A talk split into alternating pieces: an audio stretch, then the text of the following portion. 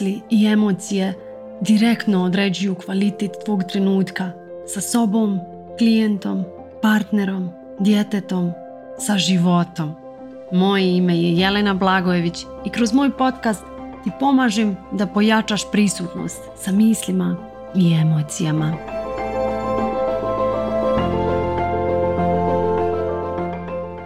Danas želim da obradim temu za koju vidim da se dosta provlači sa mojim klijentima, sadašnjim i budućim. Tek kada skupim novac, onda ću na coaching. I do sada na ovaj objection nisam odgovarala ono što je najbolje za vas, nego ono što je najbolje za moj ego. A to je da vam se radije sviđam upakovana i pristojna nego da vam kažem istinu koja će vas ubosti pa biste se mogli naljutiti na mene. A ovo je obrazac koji kaže moraš plizovati da bi se svidjela ljudima. Korijen mu je u djetinstvu, naravno, od odnosa sa roditeljem.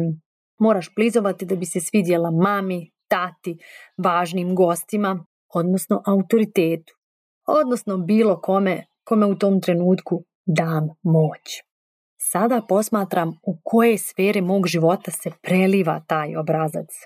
Jedna od tih sfera su društvene mreže, gdje često uhvatim sebe kako sadržaj provlačim kroz filter ovdje je previše slobode, neće im se to svidjeti, previše istine koju svi kopamo duboko, ko sam ja da je kažem na glas. Sjećaš se šta se dešava dobrim djevojčicama koji se pobune i krenu da govore istinu, budu kažnjene tako da ih svi odbaci. I ovo je filter kroz koji prolazi sadržaj koji ne gađa u srce, nego samo zagrebi površinu. I odmah prepoznaj svoj. Gdje smanjuješ sebe i svoj sadržaj iz vlastitog straha da ćeš biti odbijena zbog njega. Moj strah kada dobijem objection da ćete krenuti sa coachingom kada bude viška novca je da ćete pomisliti besramno me forsira da kupim od nje. Ako ne kažem nešto kao važi, vidimo se ponovo kada je pravo vrijeme za obje. Ali ono što stvarno želim da kažem je ženo, smanji sve moguće troškove, prodaj telefon, fotoaparat koji ne koristiš, uzmi jeftinije ljetovanje i uloži u to da iscijeliš svoj um i srce, da se povežiš sa sobom na najdubljem nivou ljubavi. Uloži u to da naučiš kako da budeš dobro na dnevnom nivou, da detektuješ odakle ti dolaze strahovi, stresovi, frustracija, unutarnje gunđanje, iscrpljujuće svađe sa djecom, partnerom i da ih regulišiš, da naučiš kako da ne hodaš kao tempirana bomba koja eksplodira na tuđi ton – ili neodobravajući pogled. Istina koju znam i sama primjenjujem je kada bi me svaka od vas pitala za bilo koji coaching. Da li da uložim odmah ili da sačekam da financije prelivaju? Rekla bih odmah, a financije će ti prelivati jer ćeš baš na coachingu posložiti misli koje ih blokiraju. Baš kroz coaching učiš da prepoznaješ zašto ne preliva, koje misli blokiraju tvoje želje, tvoju ambiciju. Svaki dio nas radi u svrhu zaštite našeg organizma. Postoji dio nas koji je podržavajući i to su uvjerenja i za inspiracije, i za ambicije, i za radosti. Međutim, postoji i drugi dio nas koji nas štiti na način da nas blokira, a taj dio je unutarnje dijete. Njegovi misli su šta ako ne uspijem i sve bude uzalud, bacila sam pare, ostaću sama. Smijaće mi se, rugaće mi se na ove promjene. Šta će pomisliti muž, mama, prijatelji kad vidi kako se mijenjam? Šta ako meni nema pomoći i moje čudovište je najveće ikad? Nevjerovatno je koliko puta pomislimo da će neko vidjeti čudovište koje krijemo cijeli život. I šta kad ga oslobodimo? Hoće li hodat unaokolo, urlajući i rastjerujući sve oko nas? I ona sniki uvjerenja kao što su kada bude prelivalo, tada ću sebi uplatiti coaching. Zašto sniki? Jer nemaju veze sa novcem, a sada ću vam i približiti zašto. Postoje razlozi zašto ne ulažemo u sebe kroz coaching, a maskiramo ih financijama. Ova prva rečenica, šta ako ne uspijem i sve bude uzalud, bacila sam pare, ostaću sama, je suština pozajmljenog roditeljskog straha. Pa vidite samo kako je u koroni strah pokupovao one vreće brašna i ulja, ne za sedam dana, nego za četiri godine – koliko su naši roditelji navikli da traje ratno stanje. Taj glas nedostatka nam govori da su pare bačene ako ih ne možeš pojesti, voziti ili živjeti u njima. Mi smo prve generacije koje se oslobađaju ovih strahova. Pioniri. Prirodno je da osjetimo strah kada prvi put ulažemo u sebe. Da je tvoja i moja mama išla na sedmični coaching i tamo donosila svoje brige, strahove, frustraciju, to bismo sasvim prirodno radile ti i ja. Prvo bismo izdvojile budžet za emotivno zdravlje. Naše mame su se borile da prežive kroz izbjeglištva, preseljenja, neimaštine, nove teške početke. Kakav coaching? To je privilegija za bogate. Dalje, ne znamo biti sebi na prvom mjestu. Biti sebi na prvom mjestu je zastrašujuće, jer je jako osuđivano. A ovo je ponovo obrazac iz djetinstva. Nismo osjećali da smo na prvom mjestu u našoj porodici. Odnosno da su naše želje i emocije viđene i dozvoljene. Naprotiv, bile su nam zabranjene u manjem ili višem stepenu. I tako smo rano naučile da moramo biti hrabre u trenutku kada je autentično bilo raspasti se ili da moramo ugasiti plamen strasti za vlastite ideje i obući preko odijelo dobre djevojčice. Ona koja zna da nema raspadanja, ljutnje i bijesova jer time ugrožavaš roditelje. Jednostavno nas nisu znali staviti na prvo mjesto kada imamo emotivni rastop. I ovo sada mi sami moramo naučiti.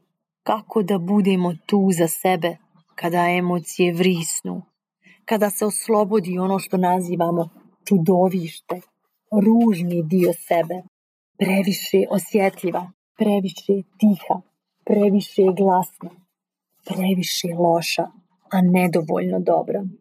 Odgovor na ovo pitanje je da nisi sama, držim te za ruku sljedećih šest mjeseci. I paradoks je da upravo to od čega bježiš godinama je ono što će te osloboditi kada se suočiš sa njim, kada naučiš da sjediš sa njim i još snažnije, kada naučiš da prihvatiš i voliš taj dio sebe.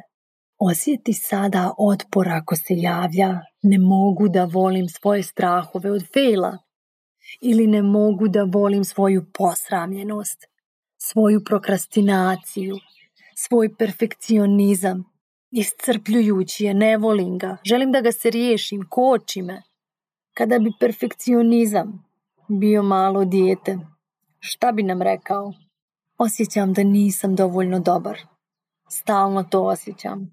Kako spremim pidžamu pa onaj rukav ispadne. Kako jedim pa mi mrvice ispadaju kada napravim uši na sveski, ne osjećam se lijepo kada me mama prekori pogledom. Postidim se, ne sviđam se tada sebi. A onda, kada vratim taj rukav od pidžame i bude lijepo složena, ili pokupim mrvice, ili ispravim uši od sveske, mama se nasmije i tada me voli. I ja tada sebe volim. I samo ako naučim da još bolje složim pidžamu, i da mi ni jedna mrvica ne ispadne dok jedim. Ili ako sveska bude još urednija, mama će me još više voljeti i tada ću se baš sviđati sebi. Odbrombeni mehanizam perfekcioniste je zaštita. Način na koji je dijete uspjelo dobiti odobravanje i služilo je u djetinstvu. Međutim, sada, kada smo odrasli, taj obrazac postaje disfunkcionalan, ne služi nego koči. Šta je to malom djetetu bilo potrebno kada nije složilo piđamu i kada bi mu ispadale mrvice i kada bi pravio uši na svesti? Ljubav. Volim kako to radiš. Volim tebe dok to radiš. Bila je potrebna ljubav njegovim nesavršenim dijelovima. I to je ono što sada mora da nauči da sebi da i osjeti razliku u tijelu između mrzim svoj perfekcionizam i volim svoj perfekcionizam. Šta će mu pomoći da se rastopi ljubav? Nedostatak ljubavi ga je rodio, ljubav će ga rastopiti. Ono što iznova viđam kod žena je da pomažu i dalje svojoj porodici, na sebe preuzimaju više nego što je potrebno. I kada se desi višak novca, opet neće sebe prvu odabrati, jer nema veze sa novcem, a ima veze sa obrazcem, ugrađenim šablonom iz djetinstva. Prvo namirimo sve ostale, a onda sebe. Ovaj zadnji dio nikad ne dođe na red, jer svi ostali ponovo stanu u red ispred tebe. Drugi razlog je nastavak prvog. Strah Šta ćemo otkriti o sebi? Šta ako se oslobodi čudovište koje godinama pokušavam da sakrijem? I pokazat ću ti kako da zavoliš i zagrliš ono što nazivaš čudovištem, ružnim dijelom sebe. Previše emotivna, previše slaba, previše ljuta. Pravo vrijeme za coaching je sada čim osjetiš poziv, želju. Ne zovem te ja, zove te tvoja autentična unutarnja djevojčica. Želi da je pronađeš i povižeš se sa njom. Ja sam samo most kojim ćeš preći do nje. Jer tek kada uložiš novac u sebe, spreman si da čuješ, spreman si da savladaš svoj otpor i spreman da primijeniš. I tada kreće tvoja transformacija. Postaješ osoba koja je izgradila alate da se preusmjeri iz začaranog kruga negativnosti, unutarnje gunđanja, otpora, mjesto mira, lakoće, povezanosti sa sobom i životom. Jedan od razloga zašto mislim da moji klijenti imaju toliko dobre rezultate i napredak je zato što ih od početka vidim kao kompletne, iscijeljene, pune, autentične, vidim ono što je ispod čudovišta. I onda se moje vjerovanje u njih samo preliva na njih i lažna uvjerenja prosto spadaju, jer jasnije vidi da nisu više ta osoba. Nisu osoba koja se boji. Nisu osoba koja mora da nauči kako da voli sebe, nego osoba koja vjeruje u svoj rezultat i voljna je da plati pomoć da lakše prevaziđe prepreke na tom putu. Vrijednost emotivnog zdravlja je na prvom mjestu. Iznad svega, izgradnja vještine samo coachinga na dnevnom nivou, do tačke kada ti postaje druga priroda da detektuješ u tijelu zašto si anksiozan i ne odlaziš da iskontrolišeš okolnosti, nego regulišeš emociju. Samo ovo je definicija ispunjenog života. Toliko vrijedi coaching.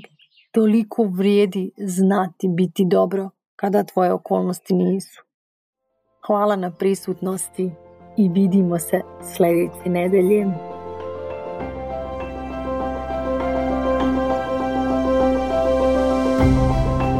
Kako da znaš da nešto razumiješ? tako što ti primjena postaje druga priroda. Ako ti je potrebna pomoć sa primjenom, paket individualnih konsultacija je rješenje. Zakaži svoju prvu besplatnu konsultaciju na mail ispod i započni svoju transformaciju.